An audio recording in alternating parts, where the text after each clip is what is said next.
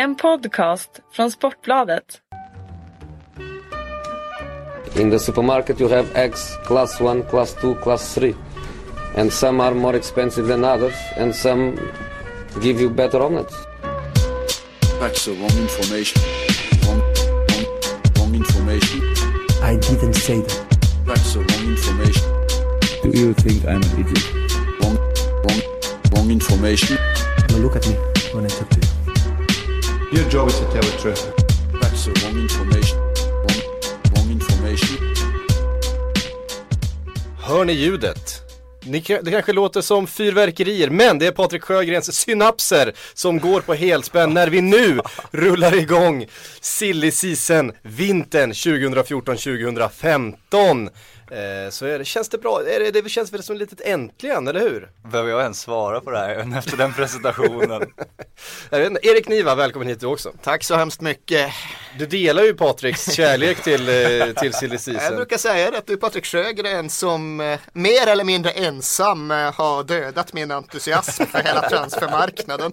Jag brukade ju gilla det. Jag brukade vara liksom sur på transferfönstersystematiken i och med att den berövade mig på åtta månader av substantiell spekulation. Nu har ju Patrik Sjögren ersatt eh, dem med åtta månader grundlös spekulation. Så jag åtar mig rollen att som surgubbe sitta och bäsa alla Patrik Sjögrens vildsinta rykten. Det är min största härligt. livsinsats känner jag. Jag känner mig otroligt nöjd. Ja, vad härligt. Eh, Vi tar väl egentligen upp där vi slutade. Kommer ni ihåg vart det slutade? Ingen aning. En faktiskt. deadline day. Nej, du var ju inte med hela vägen in i kaklet i augusti, Erik. För du var utlånad till någon sorts eh, samhällsorganisation. Jag var kommenderad till samhällstjänst. Precis, så kan man faktiskt kalla det. Det var Eh, en jätteskräll, det kändes som en tidsfråga. Ja, det, det var berättigat. Ja, så var det. Eh, Du var eh, saknad, det får vi ändå säga. Eh, det vi pratade väldigt mycket då var mittbackar, kommer ni ihåg det? Ja. Den här långa följetongen över hela sommaren. Eh, det känns som det var den mest eftertraktade trofén som en klubbchef, sportchef, ägare, manager liksom kunde stoppa i hatten. Det var en ny, ung, spännande mittback. Tror ni det fortsätter över vintern? Jag är övertygad om det måste jag ju säga. Nu är den, den största mittbacksaffären med David Luiz gick ju sådär eftersom världens bästa mittbackspar just nu är kanske världens sämsta mittbackspar. Han har lyckats dra ner Thiago Silvas nivå också till liksom eh, obefintlighet. Så det gäller att välja rätt mittbackar. Men det finns fortfarande inga mittbackar på marknaden och det finns fortfarande en massa klubbar som har stora hål i försvaret. Vad kommer från sommaren då? Det var ju David Luiz, vi såg eh, Benatia, eh, Mangala. Det är ju inga succéer. Fermalen. Fermalen, eh, Dejan Lovren. det är ju inga, är det är ju ingen som riktigt har eh, gjort någon, eh, någon succé utav de svindyra mittbackarna ska vi säga som eh, köptes och såldes i somras. Ja, men det är ju den där teorin som numera har blivit någorlunda vedertagen eftersom att Gary Neville har givit den en röst. Men eh, Eh, jag har ju länge tillhört dem som just menar att fotbollsvärlden är förskevad idag. Det finns ett väldigt stort överskott av eh, tekniska kreatörer och det finns ett uppenbart underskott av solida försvarsspelare. Och det där säger ju någonting om tidens tempo men det är verkligen frapperande hur tydligt det är att eh, hela det yttersta elitskiktet är någonstans, eh, har någonstans slagsida verkligen mot eh, den offensiva planhalvan. Det finns få riktiga, stabila, kompakta försvarsspelare att tillgå. Och då eh, är ju frågan om vi tittar då framåt mot vinterfönstret. Vad finns det på marknaden? Vad finns det till? Finns det där några försvarskrigare, stabila eh, John Terry-typer? Låt tystnaden tala kanske. Winst- Nada. Winston Det är nu du ska börja kasta namn så ska jag avfärda Ja exakt, det är därför jag ska vara tyst nu. Nej det- jag det- tycker på riktigt att det liksom, man, det är, känns som samma känsla som i somras att liksom, vi sitter där och ska, ska leta mittbackar till Manchester United och Barcelona och nu får inte Barca värva men Typ alla Europas eh, topplag och det, det finns ju ingen som man känner är bättre än de de redan har och då känner man ändå att de de redan har inte är speciellt bra. Alltså nog finns det gott om folk som är bättre än Manchester Uniteds Ja, mittbackar. säga. men eh, det är ju också frågan om ja, vad man kan få loss. Och man kan såklart sätta fingret på Atletico Madrids mittbackar och säga att det där vore en förbättring. Men hur enkelt är det att bara ringa till Diego Simeone och säga att vi tänkte plocka några nyckelspelare och så tar vi det därifrån. Eh, januarifönstret är ju annorlunda till sin karaktär än sommarfönstret och eh, det tenderar ju att eh, karaktäriseras av eh, lån, eh, av billighetsaffärer, av mer eller mindre kortsiktiga lösningar. Men sen händer det ju ibland, vart tredje år eller så, att en stor dominobricka faller och att det sen händer en jäkla massa i kölvattnet av det. Så det krävs ju att ett Chelsea går in och löser en Fernando Torres för en hutlös massa pengar. En sån där eh, historia, en sån där summa som kom före Financial Fair Play började fasas in och att man sen kan liksom följa hela dominospelet från början till slut. Men om inte den där första brickan ramlar då är det ju mycket mer en fråga om eh, just de här plåsterlösningarna snarare än några stora byggstenar som ska på plats nu. Kan Marcus Reus vara en sån... eh, Marcus! Marcus. Herregud. Marco Reus. Marco Reus. Alltså man funderar på det, man funderar framförallt på hur, hur Dortmund sitter. De har ju en rätt spännande mittback i Mats Hummels också som eh, klev av planen sist utan att tacka sina fans som enda spelare i Dortmund. Vilket ju satte igång lite spekulationer. Men de eh, ser ut att missa Champions League nästa år om de inte går och vinner skiten nu, vilket vi ju inte tror att de gör. Och då försvinner ju en 330-350 miljoner så fort liksom från kassan som en eh, inkomst. Eh, och så kommer de att sälja Royce senaste sommar, då kommer han bara kosta 250 miljoner. Så det är om de då vill casha in lite extra nu eftersom han ändå kommer försvinna redan i sommar. Och eh, skicka ut honom till någon klubb som är sugen på att betala lite extra för att bli den enda klubben som får förhandla med honom då. Eh, och det kan ju hända. Samtidigt så finns det ju en rätt stor ekonomisk eh, poäng i att försöka behålla sitt lag och komma så långt i Champions League nu som möjligt. Så att det blir intressant att se hur de resonerar lite. Hummels, eh, alltså om Borussia Dortmund missar Champions League hur intressant är det för honom att vara kvar? De är ju helt plötsligt inte en titelutmanare, Marco Reus försvinner, det blir inget CL-spel. Samtidigt ska Dortmund sälja honom också när de så tvunget eh, kommer bli av med Marco Reus. Det, det känns som de inte kommer vilja det men Det har inte gått speciellt bra i ligan. Det, det, handlar, det handlar ju snarare om att säkra nytt kontrakt i Bundesliga än att slåss om titeln. Ja, nu det kommer kommer det ju inte bli så i slutändan förstås. Men, Men- Nej, Royce går inte i januari, Hummels går inte i januari. Punkt. Tack, tack för det Erik. Men Royce 250, om det kommer ett bud på, på 350 då, är det inte en poäng i att ändå ta 100 miljoner eller le och gå till banken? Du måste ju tänka på både vart Borussia Dortmund befinner sig, men kanske framför allt vart de kommer ifrån.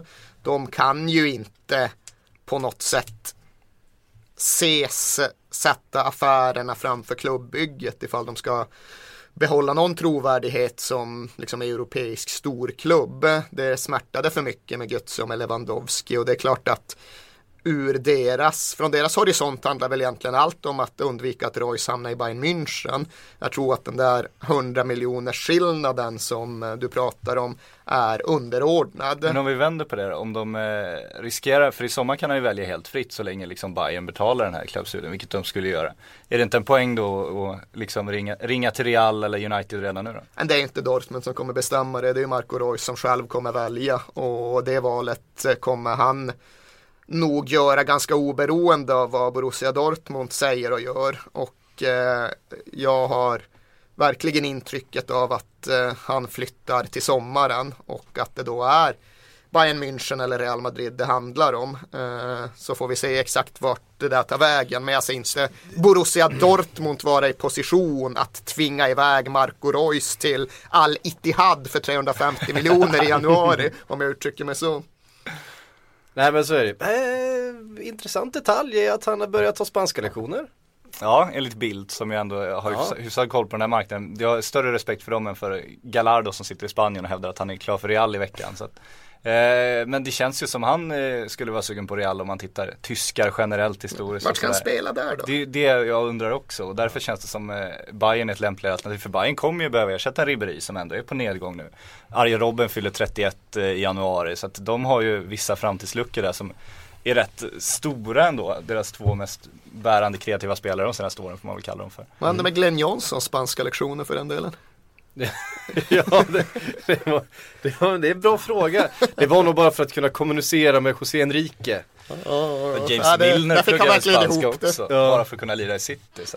Ja, jo, Det, det finns många anledningar till att plugga spanska nu för tiden. Eh, vi gick alltså från eh, mittbackare till Marco, så lång tid tog det innan Marco Reus nämndes här i podden ändå. Kan vi, kan vi inte räkna hela januari hur många gånger han kommer nämnas? Det.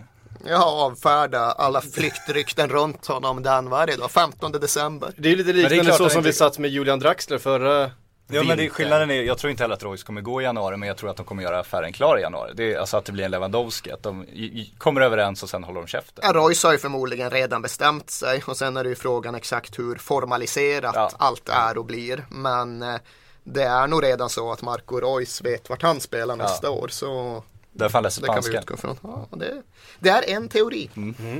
Ehm, man kan ju dra lite paralleller till eh, Draxler-historien från förra vintern och det var extremt mycket eh, snack. Då handlade det väldigt mycket om Arsenal. Draxler är väl inte riktigt på samma nivå som Royce förstås men eh, en spelare som har försvunnit lite från eh, den här radarn i alla fall. Eh, Världsmästar till- Julian. Ja precis. Nej men alltså det han gjorde och det jag verkligen eh, tycker att man ska högakta honom för det var ju att han själv tog beslutet att ah, min utvecklingskurva är inte så stadig som eh, jag själv skulle önska och utifrån det så hade han självinsikten nog att inse att det kanske är vettigt för mig att stanna hemma i mitt Schalke för att få karriären på rätlinjekurs igen. Och det har varit lite mer upp och ner senaste året men nu har ju många av de matcher han har gjort under hösten varit klart bättre än många av de han gjorde under våren.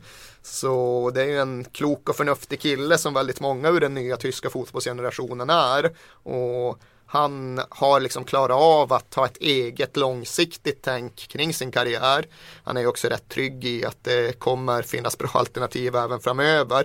Men att han också var i, i position att kontrollera sitt eget öde och då klarade av att just ha en långsiktig idé kring vart han skulle med allting. Eh, Men är inte det här alarmerande då? Att det känns som spelarna hela tiden är de som bestämmer nu för tiden. Det känns som klubbarna har tappat makten över Liksom att, att Royce ens kan gå till Tysklands näst största lag och skriva in i avtalet att han ska få lämna för 250 miljoner. Det känns ju helt absurt egentligen. Ja, jo, det är, så är det. Och det är väl en maktförskjutning som har skett eh, i allt högre grad under en ganska lång tid. Men eh, de största spelarna, eller de spelarna som är på den här verkliga elitnivån, de eh, kan ju manövrera nuvarande avtalsdjungel eh, på ett sätt som gör att de hamnar i den här positionen. Och det är ju precis som du säger, det är bara att konstatera att förvånande nog så är det ganska få klubbar som tycks vara kapabla att stå emot det där. Men inte det läge då, för vi vet den här G14, de sitter ju och paktar lite. Eh, de har ju en deal i alla fall som de håller ibland när de är sugna på det. Men att de inte ska göra Boston-spelare från varandra. Har jag fått höra från en klubbledare som varit på ett visst kontor där någonstans i en av G14-klubbarna. Eh, kan man inte göra någon slags deal där också då? Så att man tar tillbaks makten lite. Att man kommer överens om vissa spelregler mellan varandra i alla fall. Så att Marco Reus inte kan spela ut ett Dortmund på det här sättet. Det kan man ju tycka att de borde men eh, generellt sett så är ju fotbollsfamiljen ganska usel på att tänka långsiktigt på det sättet. Man kan tycka att eh, storklubbarna i respektive liga borde se en poäng i att jämna ut tävlingsbalansen eh, nationellt för att slå vakt om intresset runt sporten men det har de inte heller klarat av. Så den där typen av av tankesätt brukar aldrig riktigt få fäste. Sen så måste man ju också väga in hur agentdrivet allt har blivit. Man kan prata om att Julian Draxler är en förnuftig kille, men det är ju också så att många andra spelare, de placeras ju mer eller mindre av sina agenter. Eh, det är ju liksom oundvikligt att väga in Jorge Mendes-figurerna i maktkartan om man nu ska resonera kring vad som har hänt och vad som eventuellt kommer att hända framöver runt en transfermarknad. Det är en intressant punkt som jag tänkte vi skulle komma in på. Hur mycket, det som ska hända nu då från den första januari till den, jag tror andra februari, eftersom sista infaller på en helgdag, eh, är redan bestämt idag. Hur mycket kommer förhandlas om i januari? Hur mycket är liksom färdigscoutat och, och egentligen redan klart som vi inte känner till? hälften hälften kanske. Eh, och det är väl ofta så att de övergångar som kostar lite pengar de är väl i hög utsträckning redan eh, färdigkrattade. Eh, nu finns det undantag, nu finns det ju till exempel den där Fernando Torres och Andy Carroll och allt det där exemplet. Dominoeffekten är väl inte lika klargjorda. Eh, men det är som sagt, jag tror att det är en minoritet av övergångarna som verkligen kommer involvera så stora transfersummor. Utan den andra kategorin är liksom Kim Källström-värvningarna. När man tar vad man kan få framåt transferfönstret sista vecka. Och det är ju inte färdigscoutat och klart. Det är ju nyuppståndna behov och det är desperation som uppstår och det är eh, paniklösningar när det första alternativet försvinner och man står med Med Konoplyanka på deadline day. andrahandslösningarna kvar. För han är med åtta agenter och en galen klubbägare. Ja, precis. Köpa spelaren, skriva på pappret, föra över pengarna och sen, nej. Nej. Ja, ja. Alltså Så- sitter ju så kan Wenger och lurar på sina möjligheter också som vanligt. Väntar på mellandagsrean. Ja, ja, nej, men det gäller ju att göra en bra affär också. Exakt, det är viktigt. Jag vill gå tillbaka till mittbackarna. Eh, för det Fan kommer vad du vara... in på mittbackarna i år igen alltså. Ja men vad fan, det var ju Ja, det halva, halva eh, fönstret handlade om i somras och eh, vi kan väl misstänka att en hel del, för det finns klubbar som fortfarande vill ha en bra mittback. Ja, Manchester United vill väl ha fyra bra mittbackar. Så. Ja, Barcelona kan väl vara intresserade av en mittback om det dyker upp Om någon. de får värva igen. Det, är väl lite, det ligger ju i förhandling det där det överklagandet Precis. fortfarande. Vi får väl se om de, om, om den eh, om det överklagandet in, inte hinner behandlas så får de väl värva fortfarande precis som i somras. Eh, Frågan är hur, hur bråttom Kass har där egentligen eller om det Mm. finns lite politik där också. Kan man diskutera. Det kan man göra. Eh, Arsenal behöver mittback.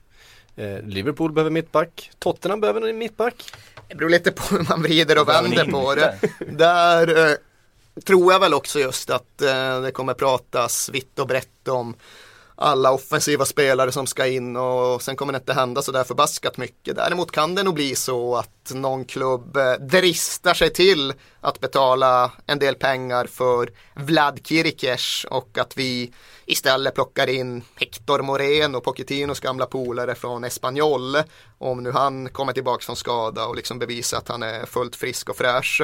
Så en sån typ av äh, mittbacksrokad tror jag kan bli aktuell i Spurs. Eh, därutöver tror jag inte det kommer hända så fantastiskt mycket runt spelartruppen faktiskt. Det har pratats en hel del om Winston Reed i eh, West Ham. Haft en bra eh, höst får man säga. Eh, Har en intressant kontraktssituation också. Där. Hur ser den ut? Jag har ingen aning om hur Winston Reeds Jag är inte helt, helt, ser inte ut. helt inläst på det men de håller väl på att förhandla nytt kontrakt här nu då.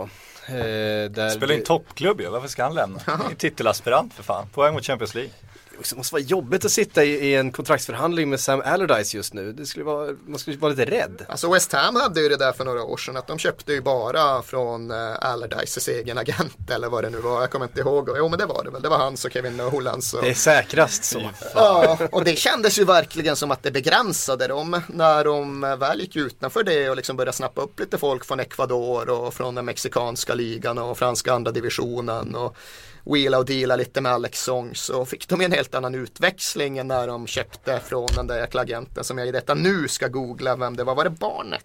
Men vad händer med scoutingverksamheten kan man också, det känns som, nu är det bara agenter som, klubbar ringer agenter och säger vi behöver en högerback, agenter kommer med förslag, sen börjar klubbar scouta lite. Ja men alltså scoutingverksamheten den har ju Den har ju på allvar förflyttats till Championship Managers databas. Ja. Det är väl så att Championship Manager till och med har slutit ett avtal som gör att de numera ingår i, är det ProZone-paketet eller? Det tror jag att det är. Det är ett av de där databaspaketen Ja. i alla fall. Så Ja. att det bokstavligt talat har blivit så som man själv höll på för tio år sedan. Ja, nu vill jag ha en vänsterback med 18 i pace, eh, 14 i stamina, 16 i aggressivitet. Så tryckte man in det på Championship Manager och fick se vad det vad som kom fram och nu är det exakt så Bolton Wanderers gör. Jag ska inte ta Bolton som Ja, exempel. men det är väl Johan ett databaspaket som ganska många klubbar använder. Jag tror även det var väl ett antal toppklubbar som har det där också. Där de använder det för att, som du säger, söka spelare, kolla statistik och, och liksom leta efter rätt typ av, av värvning. Och därutöver, där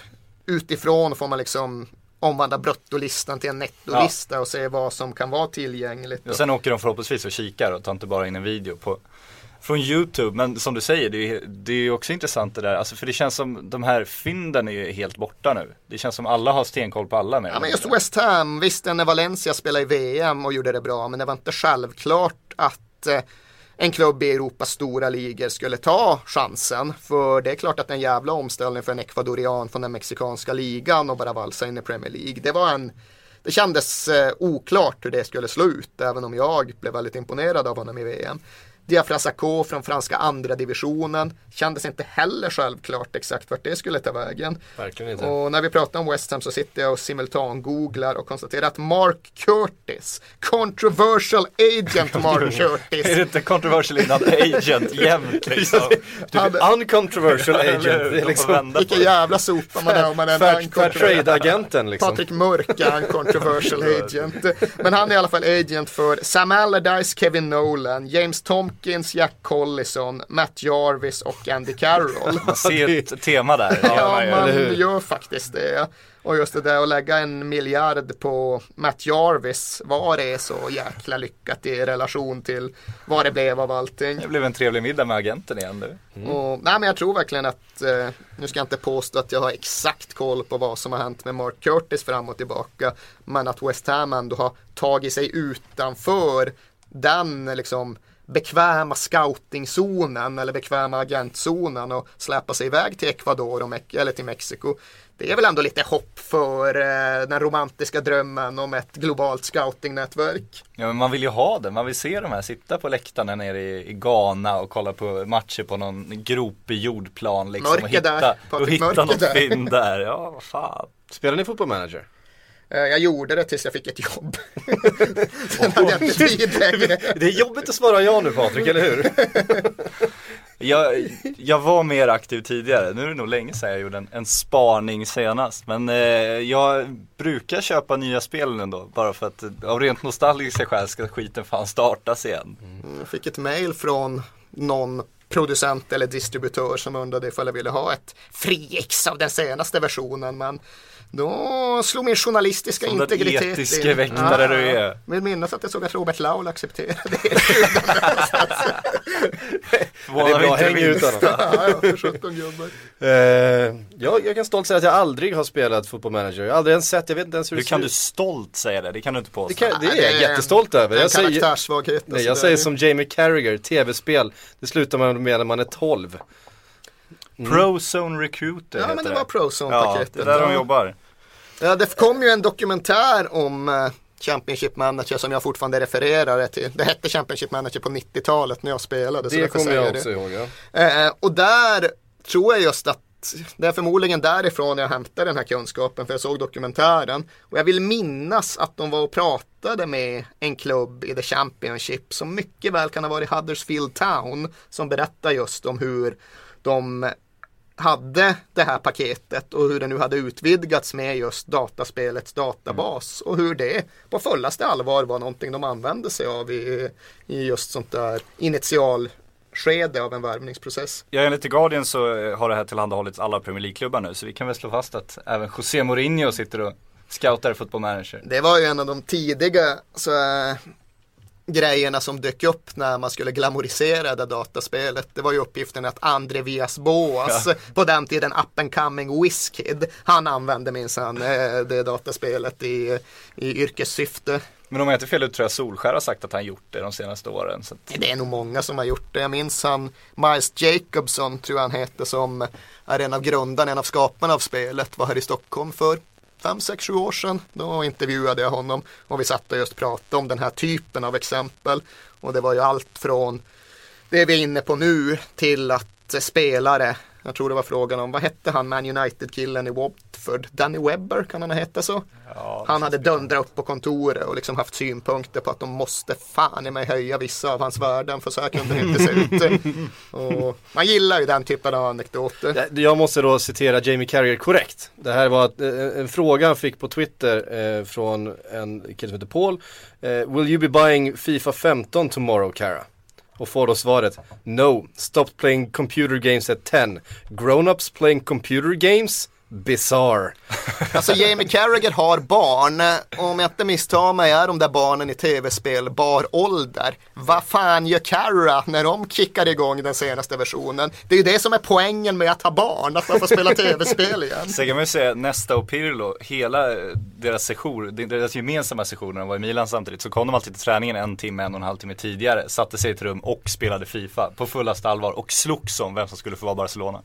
Pirlo skrev till sin självbiografi. Ja, jag kommer ihåg att den där episoden dök upp i samband med sin självbiografi och det kändes på något sätt jäkligt out of character för Pirlo. Ja. Han ska ju sitta och läsa liksom gamla upplysningsfilosofer. Dricka sitt vin Ja, exakt. Den där bilden som har överanvänts bortom förbannelsens alla gränser. fan fortsätta använda. Men liksom just sitta och göra något så trivialt. Alltså jag hade ju, hade, vem spelar tv-spel? Jamie Carragher eller Andrea Pirlo? Så hade jag definitivt tippat på Jamie Carragher. Ja, nej, det vet jag fan i och för sig. Eh, han, han är inte den lekfulla barnsliga typen Jamie. Han är inte sådär, han är inte så skojfrisk. Det kan man inte säga. Uh, Scouse wit, hasn't he? Ja, ja, kanske. Jag vet inte. Jag vet inte ens vad han har det. Eh, tillbaks till körschemat eller? Nej, Vad säger fuck- ni? Jag tycker det här var en trevlig, Fuck det körschema.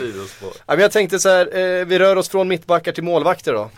Det var ju liksom, om det är total torka på mittbackar så är det ju ett eh, Hav. överflöd av duktiga målvakter. Det jag, har gjort en, jag har gjort en lista. Okej. Jag har gjort en lista. Nu, får, Ja, men jag väntade på det. Jag trodde det skulle komma en mittbackslista också. Liksom Nej, Patrik det kom- Sjögren skulle sitta och spruta namn. Jag skulle sitta och säga nej, nej, nej. Men nu, nu det kommer, psyknamn här. ja, det kommer en massa frågor sen. Ja, lugn nu tar och fram och fin. Lugn och fin. Eh, en lista på Europas fem bästa andra målvakter. Det blev faktiskt lite fler än fem, men vi tar fem och så har vi ett par bubblare. Peter Cech. Han måste vara den bästa andra målvakten genom alla tider. Eh, Keylor Navas, Willy Caballero, Ter Stegen och Pepe Reina. Det är fem helt okej andra målvakter. Ja det får man säga och nu kan vi snart lägga Victor Valdes den här listan bakom en de Gea eventuellt så att han kan vara med och kriga. Bub- bubblare David Ospinja och eh, Mikael Men vad fan ska de ha de här till liksom? Alltså okej, Barca, metodik, vi kastar in Pinto när det är cup, men vad fan, det är ju, du behöver, alltså, du har ingen nytta av en så bra andra målvakt. Som Pinto. Nej, inte som Pinto, herregud. Som Peter Käck som liksom Vad hände med Pinto? som- Vet vi det? Nej, han sitter väl hemma hos Messi nu eller tv-spel förmodligen. kammar håret. Eh, vi noterar ju här att Simon Mignolet, Liverpools andra målvakt, Ja, eh, inte, inte finns med på listan. Nej, han är ju han är andra målvakt på obestämd tid nu tydligen. Ja precis, det var ju liksom inte en engångsföreteelse här att han var petad utan det var på obestämd tid eh, har eh, Brennan Rodgers slagit fast. Måste, nej, han borde måste ju vara jobbigt. Ja det måste men Rodgers borde ju kliva in i det målvaktshav som nu, det, är smörgåsbord, det är julbord av målvakter som nu ligger framför honom. Det kan man tycka. Weidenfeller ska vi lägga till där också, han är också andra Han är petad, ja. ja. han är andra målvakt.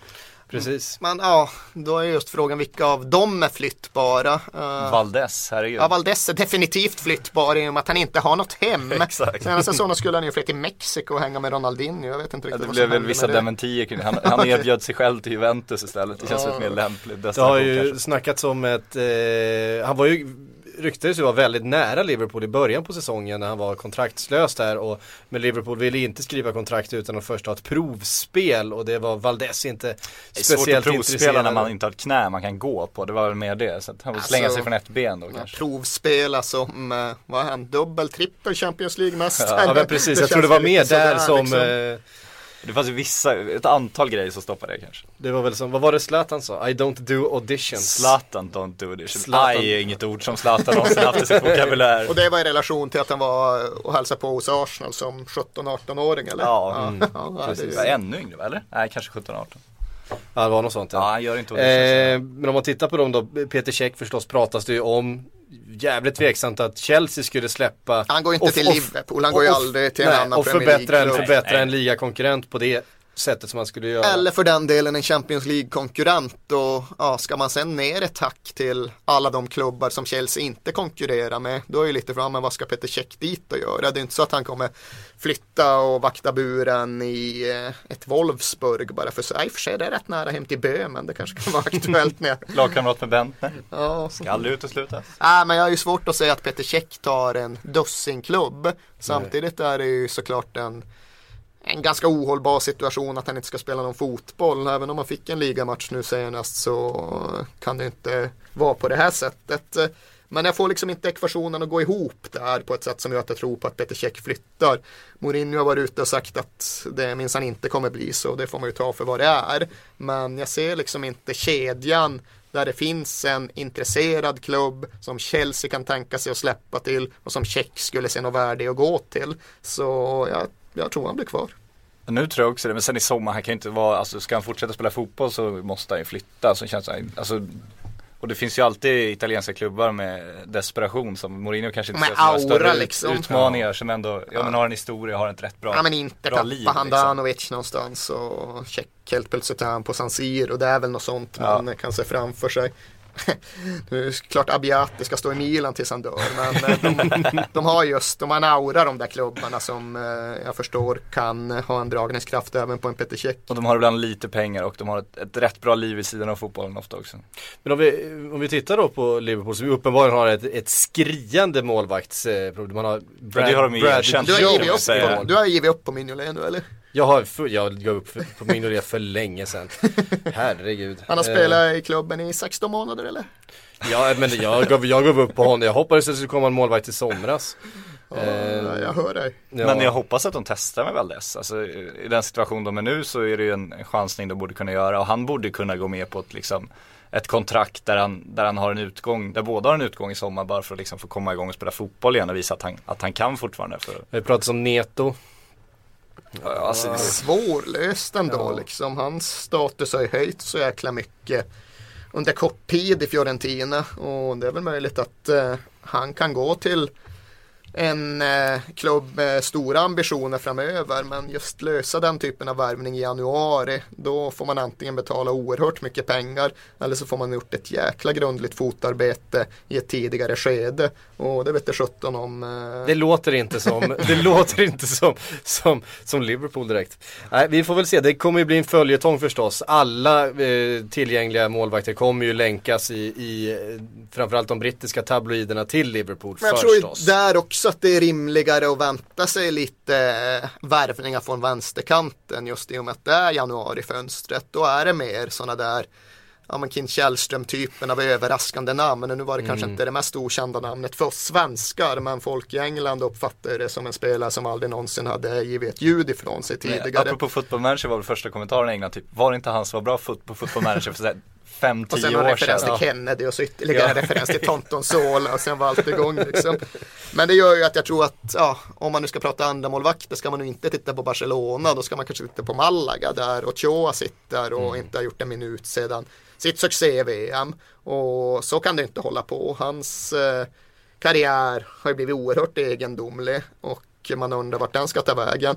Sen är det väl lite så att det pratas om att han ska tillbaka till Sydamerika och där är väl hans status ännu högre med tanke, det var snack om Santos såg jag någonstans och med tanke på den match han gjorde mot just Brasilien i VM så tror jag han kan få rätt mycket vad han pekar på där.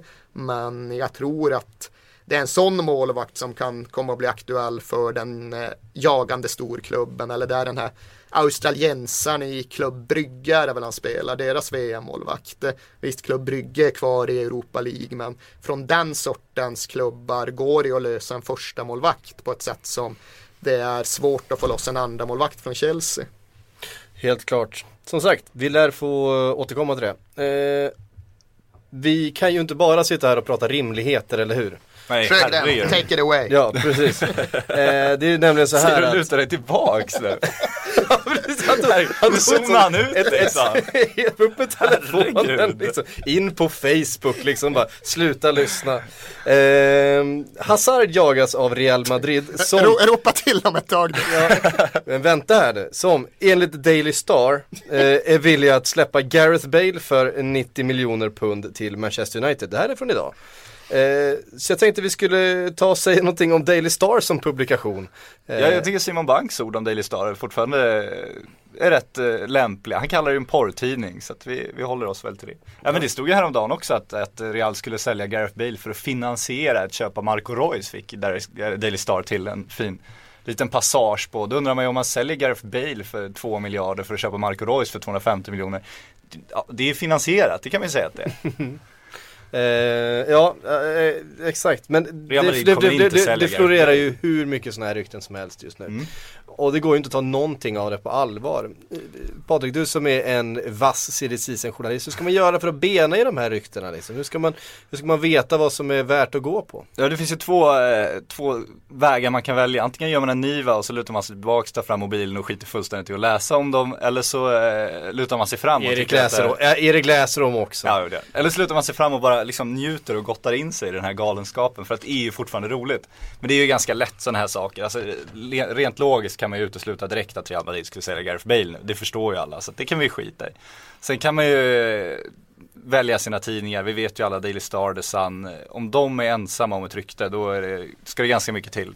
Att det ska vara sant, framförallt när de då har ett, en sån här supergrej som att Real skulle sälja Gareth Bale för att köpa Hazard eller Marco Reus och så gömmer de det i någon spalt i sin tidning liksom. Hade de eh, varit säkra på det så hade det ju varit eh, etta extra upplaga och någon slags, eh, de hade ju förstört sin internetsida med den nyheten liksom. Så det, ofta går det ju faktiskt att resonera sig fram till det här ganska lätt. Det är ett svårt skede av eh, spekulationscirkusen så tillvida att Är du tillbaks nu alltså? Ja, nu ska jag redogöra för, eh, för, en, massa, för en rad sanningar här. Kör. Ja, men det är ju än så länge mest bara en stor namntombola som bara snurrar och snurrar och ibland stannar nålen på det ena namnet och ibland stannar nålen på det andra namnet. Det är ju först ja, precis i skarven mellan december och januari som man märker att det börjar komma lite substans in i ekvationen. Och det är då man får ägna sig åt den här journalistiska kremlologin, den här teckentydningen, där man just värderar olika skrivningar, olika formuleringar, vart finns det namngiven källa, vart finns det överhuvudtaget ingen källa, vad är skrivet tidigare, hur har skriverierna förändrats i ton över dagar, mm vad kan den här personen som jag känner sedan tidigare berätta om läget i Polen i relation till det i Skottland och så vidare och så vidare. Just nu upplever jag det verkligen som att det är oerhört mycket rök och väldigt lite eld och så kommer det förbli i ytterligare några veckor. Det är liksom bara namn som kastas upp i luften helt slump och chansmässigt. Det finns väldigt lite att ta på journalistiskt än så länge. Det man kan titta på ändå det är ju när, när det finns folk som kastar upp namn i luften som ändå är nära namnen. Då är det ju uppenbarligen spelare som letar klubbar. Vi har Lucas Silva i Cruzeiro och hans pappa är ute och, och fäktar rätt vilt nu för att skapa intresse där. Ja, den känns väl som att den kan man väl tyda sig till att det blir Real Madrid till sommaren Det om Lucas så. Silva själv får bestämma. Det är Ja. lite oklart vad Real Madrid tycker om Ja, det, de har inte riktigt kopplats in än. Men, De kanske ska ha något att säga till om. Jag såg att de försökte spela ut Arsenal nu som någon form av liksom eh, bra sved för att få fart på Ja. ett lite väl inaktivt Real Madrid kan man misstänka. Precis. ja men där kan man kika. Om samma namn dyker upp om och om och om, om igen så är det ju ofta snarare så att han försöker flytta än att klubbarna jagar honom också. Men, men då finns det ändå någon slags aktivitet från den sidan i alla fall. Jag tror vi kan konstatera att Lucas Silva lämnar nog Cruzeiro efter Libertadores i sommar och får han som han vill blir det Real Madrid. Får han inte det så lyssnar han väl på vilka andra som hör av sig. Ehm, någon som det kommer skrivas väldigt mycket om i svensk media, eh, sant eller inte, det är ju John Guidetti. Eh, vi brukar ju inte höfta sådär jättemycket utan vi brukar faktiskt ha en del på fötterna när det gäller svenska spelare. John däremot är svår med den här eh, situa- kontraktssituationen med Manchester City. Nu vill ju Celtic köpa loss honom. Eh, har ju gjort succé, får man väl ändå säga under hösten. Jag vet Med skotska mått mätt, absolut. Eh, Manchester City verkar ju ha separationsångest när det gäller just John. Det är många gånger som det känns som att han varit på väg, på väg därifrån men de har varit såhär, nej vi vill nog förlänga och så låna ut lite till och Det känns, Eh. De är rädd, fortfarande rädda att han ska bli riktigt, riktigt värdefull. Det känns ju ändå uppenbart. Och sen, men de är ju inte beredda att ge honom chansen själva. Det är ju lika uppenbart. Så eh, man kan För ju nu inte finns det ju en, en, anf- en, en anfallsplats i Manchester City. Ja, det finns ju behov av en korttidslösning. De Ja. kan inte hålla på och spela Pozzo som centralforward för det är han inte. Eh, Så utifrån det sättet att se på saken kan man verkligen tycka att ja men vad fan Man City borde lyfta tillbaks honom och låta honom köra några matcher under en sex veckors period och tycka att den exponeringen i så fall skulle öka värdet på honom ifall det nu är ekonomin man bryr sig om. Men nu pratade vi faktiskt, här finns det ju lite substans att ändå hugga tag i för en gångs skull. För Ronny Delia pratade ju om det där bara häromdagen. Ja men hur är transfersituationen runt Celtic, hur är Guidetti-läget? Och då var han ju väldigt tydlig och specifik med det att vi är överens med Manchester City. Vi har kommit överens om en övergångssumma på 3 miljoner pund. Eller ja, det tror jag i och för sig att eh, det var en summa som nämndes som inte var han, men som han i alla fall inte dementerade. Men han konstaterade att vi är överens med Man City. De eh, kommer inte vara ett problem i den här affären, utan nu handlar det om att få John Guidetti ombord på skutan. Eh, om han vill så blir han en Celtic-spelare för det affärsmässiga klubb till klubb emellan, det är klart. Eh, och så tydlig är ju inte en Celtic manager utan eh, substans. Eh, så det där med att Man City ska plocka tillbaka honom i januari, det får vi nog nästan lov att utesluta. Visst, saker och ting förändras och eh, det som gäller ena dagen gäller inte nödvändigtvis nästa dag, men där var han verkligen ändå både tydlig och konkret i att eh, Ja, för att de eh, ska bara snacka klart med John. De behöver inte prata mer med Manchester City utan där är de överens. För det satte de ju tydligen i somras också när de gjorde lånet. Då skrev de in den summan. Så att. Mm. För om det ska finnas någon tid, om de nu är, är intresserade av att liksom förlänga ett kontrakt så måste det väl vara för just den här situationen.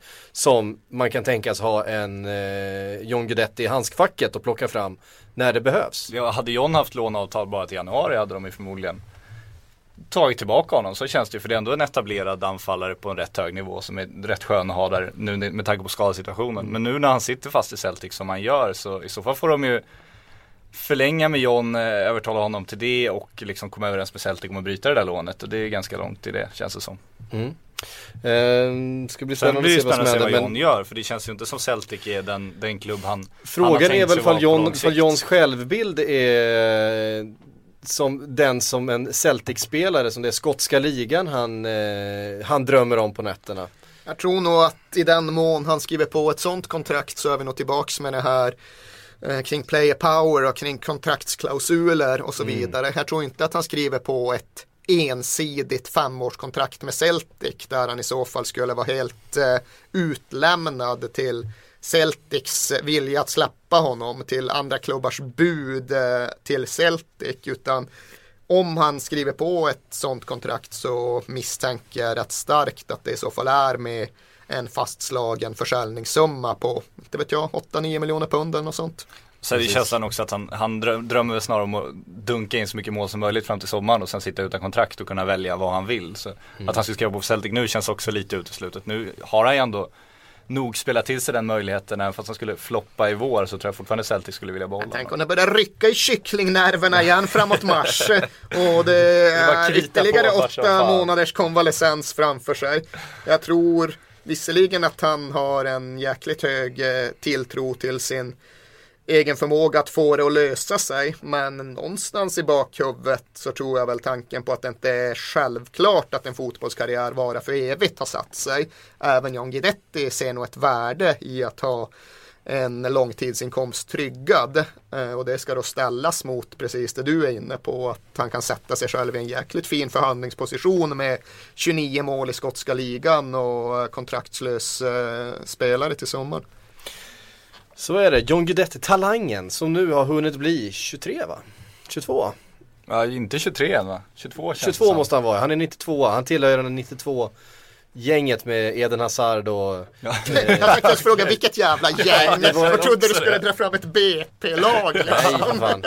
Eh, nej, vi, gjorde, är vi, det gjorde ju det, en- vi gjorde det en sån här silly season eh, avslutning för ett par år sedan när alla de här 92orna gick samma sommar. Vilka är de? Eh, det var Hazard, jag tror att det är eh, Götze, eh, Isco, eh, fan det kommer jag inte ihåg det. Men vi hade, jag hade John Guidetti med där på samma lista i alla fall över 92 år som, som eh, hade varit aktuella eh, den transferperioden. Bra sammanhang. utveckling riktigt. Bra sammanhang. Ja, varför inte?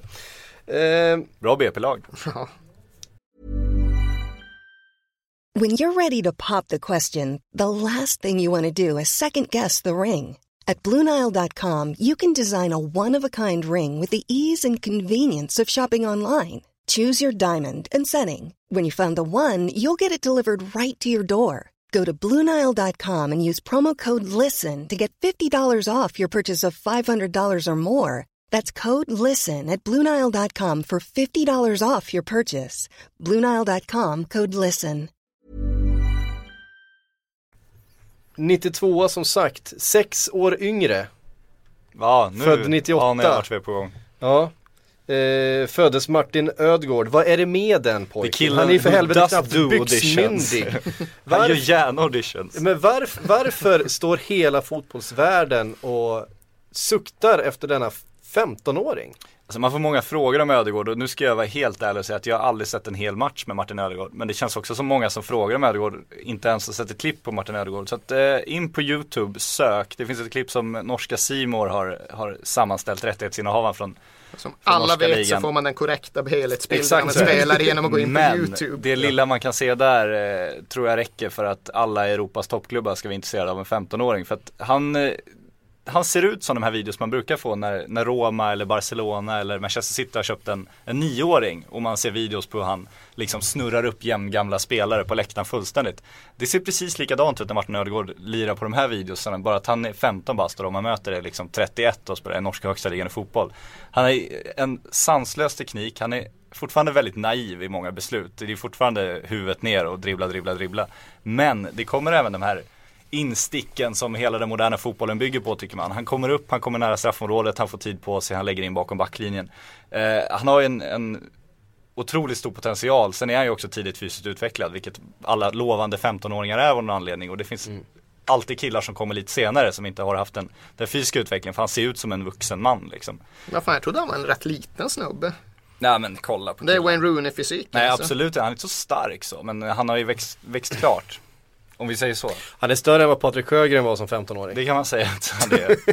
Nej men han är en galen, galen jävla talang helt enkelt. Så det är klart de tittar på honom. Men jag förstår inte vad han eventuellt, eh, alltså det känns som han bara åker runt och samlar träningsställ nu och tar lite autografer och tar lite selfies med John Terry och liksom. Han är inte det sämsta. Vad, nej sant, men vad fan ska han till Bayern München, vad fan ska han till Liverpool, vad fan ska han till United, vad ska han där och göra? Killen är 15 år. Vad tycker du han ska göra då? Guidetti och Celtic? Nej, men tänk, tänk om Liverpool skulle slänga in en, en 15-åring som älskar att dribbla liksom. Det hade Ja, tagit ska två sekunder göra? så benpiporna borta hans liksom. Nu vill jag höra silly season generalen som Stanna, kloka råd. stanna, stanna. Stanna i strömgodset, var nyckelspelare, var stjärna i två år till. Då är du 17 bast, du är inte gammal. Om du då liksom har etablerat dig och är norska ligans bästa spelare som 17-åring, fortsätter spela i norska landslaget. Välkommen, gå till Ajax, fortsätt.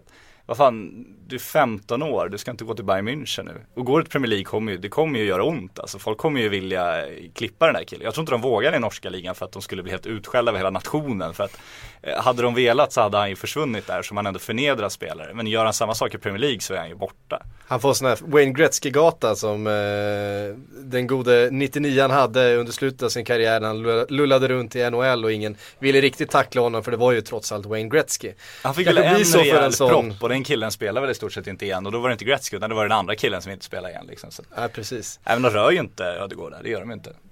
Nej. Eh, Erik, om du får vara eh, rådgivare, vad skulle du säga till Martin Ödegård då? Jag är ju alltid Ta där miljonerna och spring. Ja exakt, ta träningsstället. Spurs. Ja. Spurs.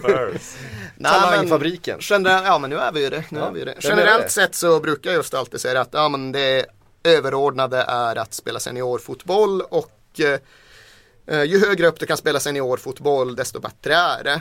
Jag tycker väl ändå någonstans att Ödegård hamnar i en annan kategori än de som man ger sådana här Simon Gustafsson råd till. För det är de man hamnar i när man pratar om svenska stortalanger. Ödegård är ju ändå på en nivå redan nu där man hoppas att det här ska bli en spelare av yppersta världsklass. Och då är det kanske ändå så att det är bättre att bli utbildad i ett Bayern München mellan 15 och 17 än där att spela seniorfotboll i en tippeliga som blir allt svagare, allt mindre konkurrenskraftig. Det är som sagt inte så jag brukar resonera rent generellt. Men här är det liksom inte en jättestress för honom att spela seniorfotboll. Eh, det finns eh, viktiga utbildningsår kvar att fullgöra. Och där kan jag väl ändå misstänka att ett Bayern München har ett så stort försprång numera vad gäller träningsmetodik och eh, övergripande tankesätt. Att det kanske är bättre att utbildas där än det att spela i Strömsgodset under just de här form, eh, formbara åren. Men jag är lite vag här i och med att jag inte har varit med i Ödegård på hela hans eh, rundtripp. Vi känner honom, det är, det är en personlighetsfråga också vad man är för, för typ. Det är ju ganska lätt här kan jag tänka mig som 15-åring att få en fruktansvärd hybris. Eh, och känna att ah, fan, jag är för stor för tippeligan redan nu. Jag har, ju, jag har ju varit och träffat världsstjärnor. Jag har ju sett träningsanläggningar som liksom bara sträcker sig så långt ögat når och man får precis vad man vill och det är superförutsättningar. Så man kommer hem och en januariträning i, i Norge igen liksom. Nu har jag sig följt den här episoden mindre än en eh, lite väl stor andel lyssnare. Jag får intrycket att det är väldigt många där ute som är så fascinerad av underbarnsstoryn att de verkligen följer varenda skrivelse och det har inte jag gjort. Men jag har ju ändå snappat upp att eh, den pappa som väl är hans huvudsakliga rådgivare, är själv en gammal elitspelare som verkar vara ganska välgrundad i sitt sätt att resonera. Eh, som gav skriftligt specialtillstånd till Championship Manager-tillverkarna att inkludera honom i spelet. Mm. Jag gillade det som en passus. Men jag får liksom inte känslan av att han har ett entourage runt sig som bygger upp den här hybrisen, vilket det ju väldigt ofta är frågan om annars med de här tonårstalangerna. Brassar när det kommer in två företag och slåss om era miljoner på dem. Ja du, svenskarna nu för tiden ska man ja. inte heller förringa. Det finns en hel del talanger som verkligen har gjort ganska tokiga val. Men jag menar verkligen att ganska oavsett det här med personlighetstyp och karaktär så funkar det i 95 fall av 100 att använda sig av principen bästa möjliga seniornivå med speltid under tonåren. Men Ödegård kan mycket väl sorteras in bland de där sista fem av hundra. Det är möjligt att hans talang är så exceptionell att den ska vårdas på ett annat sätt och det är Och vart ska den göras då? Bayern, Bayern, Bayern München, vi har ju sett Barcelona förstås eh, ta fram, vi såg liksom en Bojan Kirkic slå igenom som var då 17-åring som då Ja var det bra vara... eller inte bra för hans karriär? Det kan man ju Men det kan man ju diskutera. Ja, det kan man Men Bayern var ju väldigt positiva efter hans provspel. De sa, eh, alltså de var ute och var tydliga med att de tyckte, eller trodde sig ha goda chanser. Och det tyder ju på att han faktiskt, det är den typen av klubb han också är på jakt efter. Jag att tror... han inte bara tittar runt liksom. Nej men det är väl inte, man är väl inte ensam om att ha intrycket att FC Bayern just nu ligger jäkligt långt fram vad gäller utbildning, vad gäller att ha en tanke kring att kombinera utbildningen med effekt på seniornivå. De är ju inte där Chelsea eller Man City är där de bara investerar massa miljarder i en akademi utan riktig koppling till A-laget. Utan de får ju fram sina spelare i A-laget. Jag vet inte om Björn Andersson som skandinaviskt baserad scout har något med det här att göra. Men det skulle ju vara enkelt för honom att ta med Ödegård in i omklädningsrummet och snacka lite med den senaste supertalangen de hämtade från Skandinavien och låta Höjbjerg berätta om att det faktiskt är fullt möjligt att ta klivet från tonårsutbildning till Champions League-spel med detta mäktiga FC Bayern. Så de har ju många argument på sin sida kan jag känna. Men han har ju en spännande situation också eftersom han ändå är med i landslaget nu också. Mm. Ska han då gå ner och gömma sig i ett andra lag? Liksom, han får ju resonera in Absolut, kring det, det är en berättigad synpunkt. Uh, och jag förutsätter att han pratar med Högmo, jag har ingen aning om vad Högmo säger men uh, gå till Djurgården, Djurgården ja. säger Ja, det är lurigt. Uh, jag, jag, jag följde ju då som den Liverpool-supporter är. Han kommer ju då från en Liverpool-supporter hem. Ska jag säga. Så att när han var där så var det liksom, det var mer eller mindre live-kommentering på Twitter Twitter med olika människor som stod runt Melwood och kikade över. Över den där jävla muren. Ja, precis. Och jävlar han ser bra ut den där Ödegård och man är så, han är 15. Lugna er nu liksom. Och han sa efteråt också att det ska inte påverka hans val. Att han, han älskar Liverpool, han alltid hejar på Liverpool men det skulle absolut Nej. inte påverka hans val. Men alltså vilka klubbar har han tränat med nu? Liverpool, Celtic, Bayern München. Arsenal har han varit, han har varit nere i Real Madrid. Han har varit på besök hos Real Madrid. Jag vet inte om han tränar med Real Madrid. Han ska träna med Ajax i januari om han löser sin invaliditetsförsäkring först. För han har blivit för värdefull nu. De vågar liksom inte Det gläder mig att det finns någon som har koll på dessa saker Sjögren. Att du kan upplysa mig om the hard facts. det, det fanns väl någon sån där rykte så att det stod ett eh, jetplan och väntade på honom från Real Madrid. Han skulle flygas ner för att få en rundtur. Eh, ja, vadå, vad hände med plan? Det stod det bara och väntade? Och... Ja men när, när han, var, han skulle spela färdigt en match eller träning ja, och sen så drog han ut till ja. flygplatsen så flög de ner honom och flög hem honom igen bara för att han skulle få dit och känna på atmosfären. Han ja. tränar inte med Strömgodset nu i alla fall, någonsin. Han tränar med alla andra klubbar i världen. Vad skiter Barcelona i honom eller? Nej, det har pratats om Barcelona också, jag vet inte om han varit där än. Chelsea, Mourinho gick väl ut och sa att det här ska inte vi lägga oss i. Han sa att han, han är väldigt intresserad av vart han hamnar men att de inte ska konkurrera med de andra klubbarna. Han verkar ha gett upp det där. Ja, just deras akademiargument är ju inte så där jättestarkt i dessa Ruben Loftus-Cheek-tider ens. Nej, men det intressanta är ju om man pratar FFP och sådär, eh, det City har gjort nu när de köper liksom den mest flashiga träningsanläggningen i världen för att, för att locka ungdomsspelare och Paul Scholes är ute och orolig för att alla Manchester-talanger, hur många de nu är, ska välja City helt plötsligt. Mm. De har ju dopat sin ungdomsanläggning nu helt plötsligt. Det blir intressant också om de flyger dit en ödegård och visar de fina lokalerna. Han sitter och googlar Strömsgodsets trupp bara för något att göra längs vägen. Hittar Manchester City-koppling, tar du den så blir jag jävligt imponerad. Nej, det gör jag inte.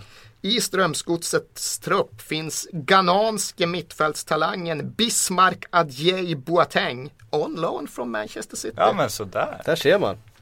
Ja, är hittar klart, även det är Öyvind. Storflor, tidigare GIF Sundsvall. Ja, Ser. Eh, City ja. Sundsvall, en bra Nej. trupp. Bra utvecklingsmiljö. Han gick aldrig ens till Sundsvall, nu slog det mig. Det var något man satt och ägnade sig åt eh, när det var silly season spekulationer runt allsvenskan för tio år sedan typ. Ska inte Öyvind Storflor till GIF GIF Herregud vad osexiga transferspekulationer. Och du tycker det här är urartat, vad fan. Och du gjorde det där för det tio var- år det sedan. var tider. Det var tider. Hörde ni, hörde ni, hörde ni, hörde ni. Vi rör oss från Sundsvall eh, långt söderut för det har blivit dags eh, för att svara på lite frågor. Den första frågan som jag tagit fram den är från Joey Baba. Bra Eh, namn. Ja, Ja, väldigt det bra. är bådas strul för West Ham då Sako, Kouyaté och Song drar på Afcon, alltså Afrikanska mästerskapen. Vem ska man ta in för att hålla farten i Premier League? Och det är, inte- de är ju inte de enda som påverkas, det här kan ju faktiskt påverka januarifönstret lite grann. Eh, beroende på vad som händer då under det Afrikanska mästerskapen. West Ham förstås, tre stycken viktiga spelare. Ska de ju ringa värva? Mark, controversial agent Mark Curtis och höra vad Precis. lösningen är. Ska man liksom försöka rida ut stormen eller ska man plocka in någonting? Det här, jag menar framförallt Alex Song är ju, ja Sacco också för den delen, men Alex Song kanske är deras viktigaste spelare den här säsongen. Eh, nej men det går ju inte att plocka in någonting av den anledningen. Det går inte att köpa på sig en för stor spelartrupp för att kompensera för tre veckor i skarven mellan januari och februari. Utan det får man se till att rida ut bäst det går. Däremot så är det ju tydligt att det här blir en faktor för de klubbar som har råd och möjlighet att välja. Det är väl återigen Mourinho som har varit ute och dundrat om det i allt högre utsträckning. Att det där med att köpa afrikanska spelare det blir mer och mer komplicerat i och med att de har den där frånvaron på regelbunden basis. Och återigen Chelsea är ju i en position att kunna välja och vraka på ett sätt som inte West Ham är. Ska West Ham få loss en Alex Song en spelare med hans kvalitet då får de ju lov att acceptera att eh, det även finns den här typen av nackdelar med, med affären. Men som sagt köpa enbart för att täcka upp för afrikanska mästerskapen det, det går inte. Och Det kommer inte som någon chock eller? Alltså okej att det ställdes in ett tag där men, men de har ju vetat att det är på gång. Och snart kommer ju VM spelas på vintern också så nu är det dags att vänja sig. Då får vi värva spelare som inte spelar VM. Gareth Bale går till alla klubbar. Precis. Ehm, Johannes Andersson undrar, vad är procentchansen att Pool skickar Balo åt skogen och plockar Bony? Eh, januari känns det som noll va, att de ska lyckas med den dubbelaffären. Ja, alltså Balotelli skickar de säkert gladeligen ifall de kan hitta en köpare. Eh, men den enda, ens, den enda spekulationen som ens är värd att göra är ju den till Inter och Mancini. Och jag vet väl inte. Det känns verkligen som ett läge där eh, intressenterna runt Balotelli är så fåtaliga att de eh, nästan kan summeras som, eh, som noll till antalet. Boni skulle ju Liverpool må jättebra av. Det kan vi nog konstatera. Han har vuxit till den nivån. Men det är väl där också så att det är oerhört svårt att lösa från en Premier League-konkurrent i januari. Men med det sagt så är ju ändå det en sån affär som skulle kunna få fart på januarifönstret. För det är ju inte omöjligt att köpa av Swansea på ett sätt som det är att köpa av Chelsea. Även om de nu släppte 20 Juan miljoner pund bara, också. pang. Ja, det vet inte fan om det räcker men 25 pang. Då får nog Mm. Det blir svårt för Swansea att Ja. tacka nej till det. Finns ett City som letar anfallare också nu. Ja, och sen i och för sig om de ska lösa situationen fram till att Agüero är tillbaka det är väl lite opraktiskt att ta en kille som ska till Afrikanska mästerskapen. Ja, det är sant. Men eh, visst, eh, Boni Bonilla är nog inte ungettable. En eh, tillräckligt hungrig storklubb kan få loss honom och de kan få en omedelbar förbättring på att köpa loss honom. Så det är faktiskt ett namn som jag inte bara ska sitta och Marco Reus avfärdar den 15 december. Där skulle det kunna hända något och det skulle vara en stor grej i så fall. Men man älskar de här Balotelli-spekulationerna också att Mino Raiola skulle vara med och betala hans lön mot någon slags möjlighet att kunna ta honom från Liverpool i sommar för att placera honom i någon annan klubb och ta en del av övergångssumman själv. Alltså vadå Raiola ska sitta med Det är sin väldigt egen lösa spekulationer men jag älskar det här för att det påstås det att han ska sitta med, med en viss eh, egen plånbok och betala för att kunna liksom flytta på Ballo i sommar och på så sätt få lite procentuellt själv. Jag saknar tiden när vi verkligen kunde ringa Mino om allting liksom. När han fortfarande såg ett värde att prata med svensk press för att vara någon form av liksom ändå mellanhand mellan en ganska oresonlig Zlatan Ibrahimovic och ett eh, svenskt medielandskap som såg lite annorlunda ut. Det är ju tyvärr inte riktigt så längre. Jag tror fortfarande jag har ett fungerande nummer till Mino Raiola men han har väl 8-9 telefoner och den jäveln svarar han då inte på längre i alla fall. Han svarar ibland men då får man mest fuck off tror jag. Så men det är på den nivån. Ja men det är inte det sämsta. Nej vad fan. Jag tycker att du ska göra ett försök och ringa i nästa sändning Patrik. Ja, men vad du ringde senast, det var uh, Cabrera. Cabrera i direktsändning. Konoplyanka Cabrera. Ja, för fan. Men då, vi, vi fick ju skop rakt inifrån förhandlingen kring, Micke, eller, kring eh, Konoplyanka. Konoplyanka. Ja precis. tyvärr förstörde du hela vår eh, dramaturgi kring den sändningen eftersom han var det hetaste namnet och vi inledde vår sändning med att helt avfärda honom som möjlighet. Så. att- Det är sånt vi gör. Vi Det är sanningssägare.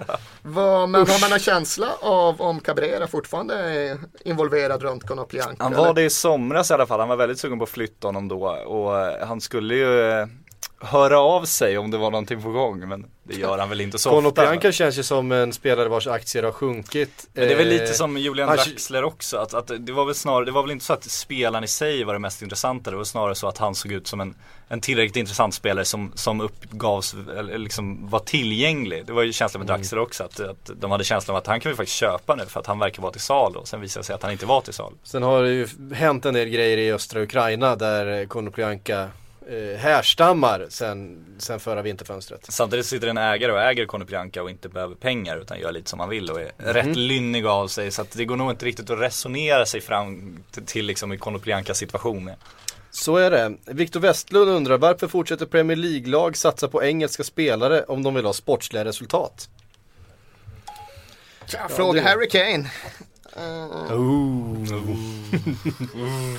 ja, nej men, ja det är väl en eh, fråga som är kanske lite svår att svara generellt på. Det är väl en av de där sanningarna som har upprepats så många gånger att det har börjat smyga sig in en överdrift i dem. Det är inte längre självfallet så att man får en beprövad VM-spelare till samma pris som man får eh, Jordan Rhodes utan numera börjar transfermarknaden ha balanserats upp på ett sätt eh, som gör att man verkligen kan undra om det är så jävla självklart mycket bättre att köpa ett gäng Capo eller Benjamin Stamboli snarare än att låta Ryan Mason få några matcher. Eh, det beror ju såklart på vilka man är och vilken akademi man har och vilka ambitioner man har.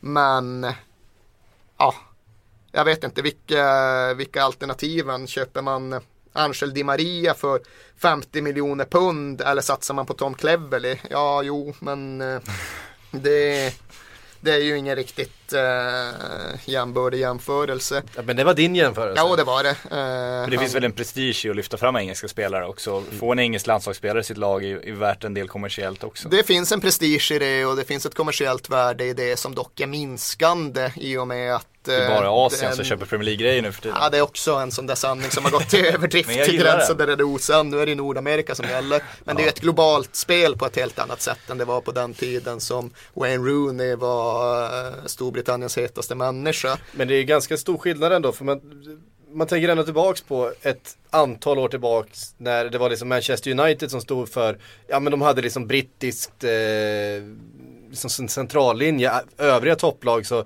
kunde man säga, ja nu spelar de Liverpool mot Arsenal igen och det var en britt på plan och det var Steven Gerrard liksom och resten var spanjorer och brassar och fransmän och så vidare. Det känns ändå som att eh, det inte riktigt ser ut så utan det, det finns liksom ett antal brittiska spelare i alla även toppklubbarna idag. Jag tror ändå att det någonstans också har smugit sig in en insikt kring och en förståelse runt att att eh, det faktiskt behövs någon form av ryggrad i en klubb och att eh, det behövs den där traditions eh, att det behövs någon som slår vakt om någon form av klubbtradition. Om man inte ska skapa en klubbtradition som det kanske är frågan om i Manchester City.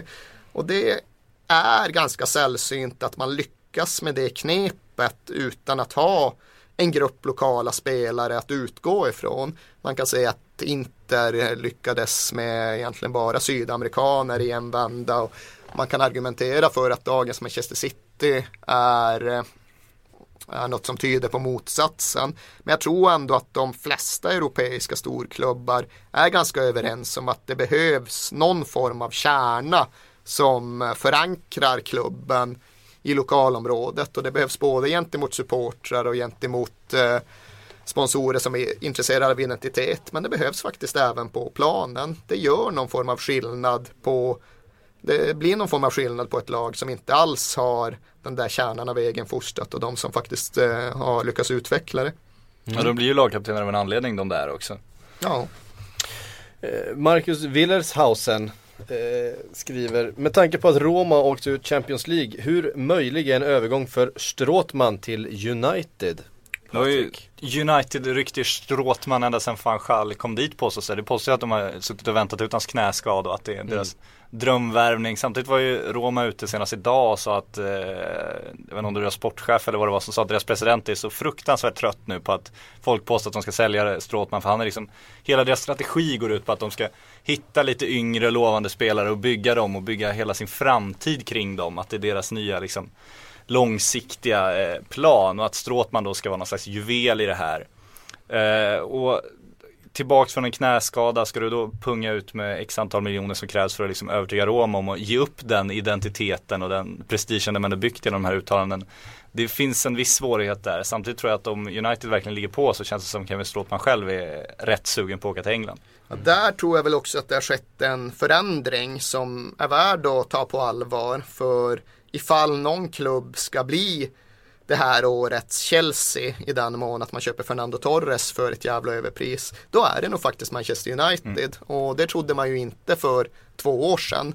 Men eh, nu har de ju gjort en omsvängning av sin affärsmodell, Glazer-familjen. De kände sig tvungna till det i somras och det var ingen tillfällighet när alla brittiska tidningar för två veckor sedan någonting samstämmigt rapporterade om Manchester Uniteds eh, miljardstora krigskista utan det var ju uppgifter som medvetet hade läckts och placerats för att generera någon form av entusiasm kring Manchester United inför transferfönstret och den kommer det finnas ett intresse att motsvara så det är nog så att Manchester United har avsatt en hel del jäkla pengar till, ja, säg de två nästkommande transferfönstren.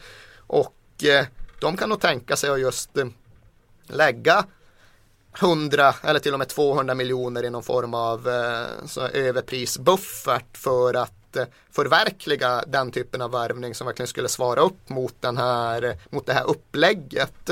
Och Stråtman för, ja, vad skulle de sälja honom för? 400 miljoner? Ja, Kanske. det känns ju jävligt. Ja, det är ju jävligt mycket pengar. Det var ju den där, den där kvällen när de här ettorna, man, man, får ju ofta de här engelska ettorna på kvällen innan de, innan liksom de släpps, när de går till tryck. Och då kommer första och då var det, ja United har en miljard att spendera. Kommer nästa, United har en och en halv miljard att spendera. Och sen kommer liksom, jag tror att det var The Sun som var trea på det. United har två miljarder att men spendera. Men vad sa Daily Star? Exakt. det är bra. Nej men som du säger, de är ju också en desperat situation. Liverpool skulle ju också börja förstärka, men de är ju under en FFP-utredning nu. Så att de mm. sitter ju med handfängslen på så att säga. Men United har ju absolut alla möjligheter och nästan skyldigheter att försöka förstärka det här laget. Noterade ni för övrigt att tre engelska klubbar fick värvningsförbud idag? Ja, i Championship. Jajamensan. Ja, Leeds var en av dem va? Ja, fan. Marcus Hallsti sitter och gråter nere i Malmö. Han eh, hade väckt intresse därifrån. Eh, eh vad var Leeds, eh, Blackburn Rovers och Nottingham Forest. Stuart Pearce gråter visserligen inte men sammanbiten är han nog. Ja. kan man få skälla ut Magnus Eriksson i en halv minut också? Nej, tycker jag är helt på drar till Kina. 24 bast åker till Kina och precis spelar Champions League-fotboll. Vad fan är poängen? Alltså okej okay, om du är Tobias Hysén och ska åka dit och tjäna lite pengar och glida med Svennis på någon slags poolfester. Det, all respekt för det, men vad fan Magnus Eriksson har ju ändå en hyfsad karriär han kunde ändå ha framför sig. Han har ändå övertygat hyfsat Champions League. Spelat till sig ett, ett okej namn nu. Misslyckades absolut sin förra proffssession. Men vad fan. Han ger upp hela sin karriär nu. Och vad fan, Kina. Vi får ringa Patrik Mörk och be om hans fem minuters pitch av den kinesiska fotbollens framtidsmöjligheter. Patrik Mörk påstår att det är en hel del stora namn på väg dit har jag läst. Att, eh, att det finns stora möjligheter i Kina i framtiden. Men vad fan, 24 år och åka till Kina, då är man ju bara ute efter pengarna. Då är, och, då är jag med i en Erton-resa liksom. Han ju- håller ju på att spela till sig en EM-plats. Ytterligare några mål i Kina, sen rätt in Ja, för- i den för- framtidsriktade albanska truppen. Exakt.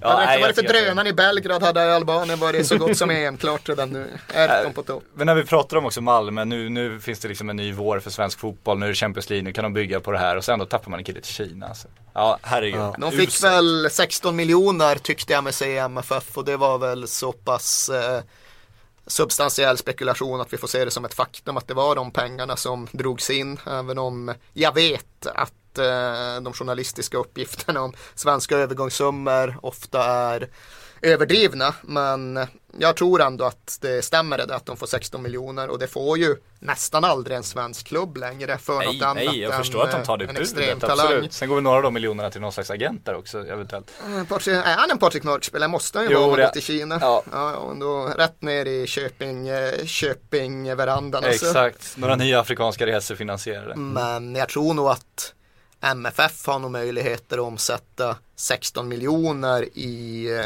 Skulder. i minst lika mycket fotboll som Marcus Eriks, eh, Magnus Eriksson gav dem. Han var jättebra men Ja, eh, nej, det är inte från MFFs perspektiv. Jag Du tycker sitter- det här är du ska jag bara gnälla Magnus, på Eriksson. Ja. jag ska peka ut honom personligen. Ja, gör det. Visst heter han Lennart i andra namn? Ja, det kanske förklarar det. Ap- Apropå det där med att hänga ut folk. Ja, ja. Personligen också. Ja, men vi tar det som förklaring. Jag tror fan han gör Ja, det. för fan. Då måste jag ju dra min, mitt enda eh, andra namn, jag har gjort det förut i podden och jag vet ju att jag har gjort det men bara därför. Emil Heske. Ja precis. Kör igen. Kommer du ihåg vad han heter på Sjögren? Jag tror du sa det på redaktionen häromdagen, jag har glömt det igen. Ivanhoe. Ivanhoe. men det är så, jag, man börjar fnissa varje gång man hör det. Eh, vi Det ska bra. avsluta här. Har han Pikés klädstil då så är han hemma liksom. ja, precis. Eh, vi avslutar med Tobias Jonssons fråga och det är ju den mest centrala frågan i, i alla Vad hände med Leandro Damiao? Nej, nej det är faktiskt inte det. Jag såg fan att han var på glid nu igen. Ja, han är ju så jävla dålig Santos. Eh, Jag var- såg Omöjligt att Santos. styra det här samtalet. Jag var Men såg visst, Sant- Damiao Ja, nu måste vi ha en Damiao-vända. Jag var och såg Santos eh, någon gång i våras. Jag var över inför VM och då hade de just köpt, Sant, eh, just köpt Damiao för att kompensera för något. Vad fan kan det vara? Ja det undrar man verkligen. Neymar de försökte kompensera för lite senkommet men det skulle ju ändå, det var en jävla värvning med deras Ja. mått mätt. Sjukt stor lön utifrån brasilianska ligans möjligheter. Men problemet med honom blev ju dubbelt. Dels kom han in och var fullständigt bedrövlig i sin eh, egen prestation och dessutom blockerade han en plats i laget för den här Gabigol som ju är nya Neymar-fenomenet. Eh, man kan visserligen prata om att han skulle spela på ens kant och Damiao centralt men Eh, Kontentan blev i alla fall att Damiao kom in och var usel och petade bort Gabigol till Och det får man ju inte göra. Nej, det var även katastrof. Så nu såg jag bara för någon vecka sedan att Santos skulle försöka manövrera sig bort från Damiao. Men det var någon av de andra brasilianska storklubbarna som i så fall skulle gå på den minen.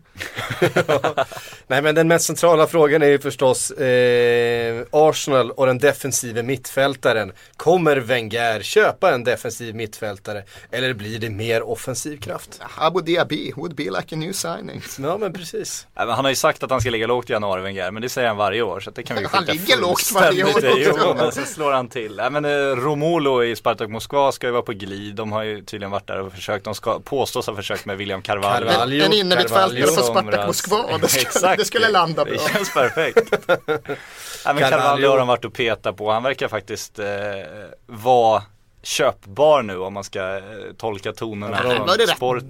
dålig under hösten. Det är väl jag därför han är köpbar rätt. nu Ja. också. Nu ska jag inte sett varje Sporting-match men det jag sett Jo, men han i Champions League och sådär så har han varit mycket sämre den här hösten än han var förra säsongen.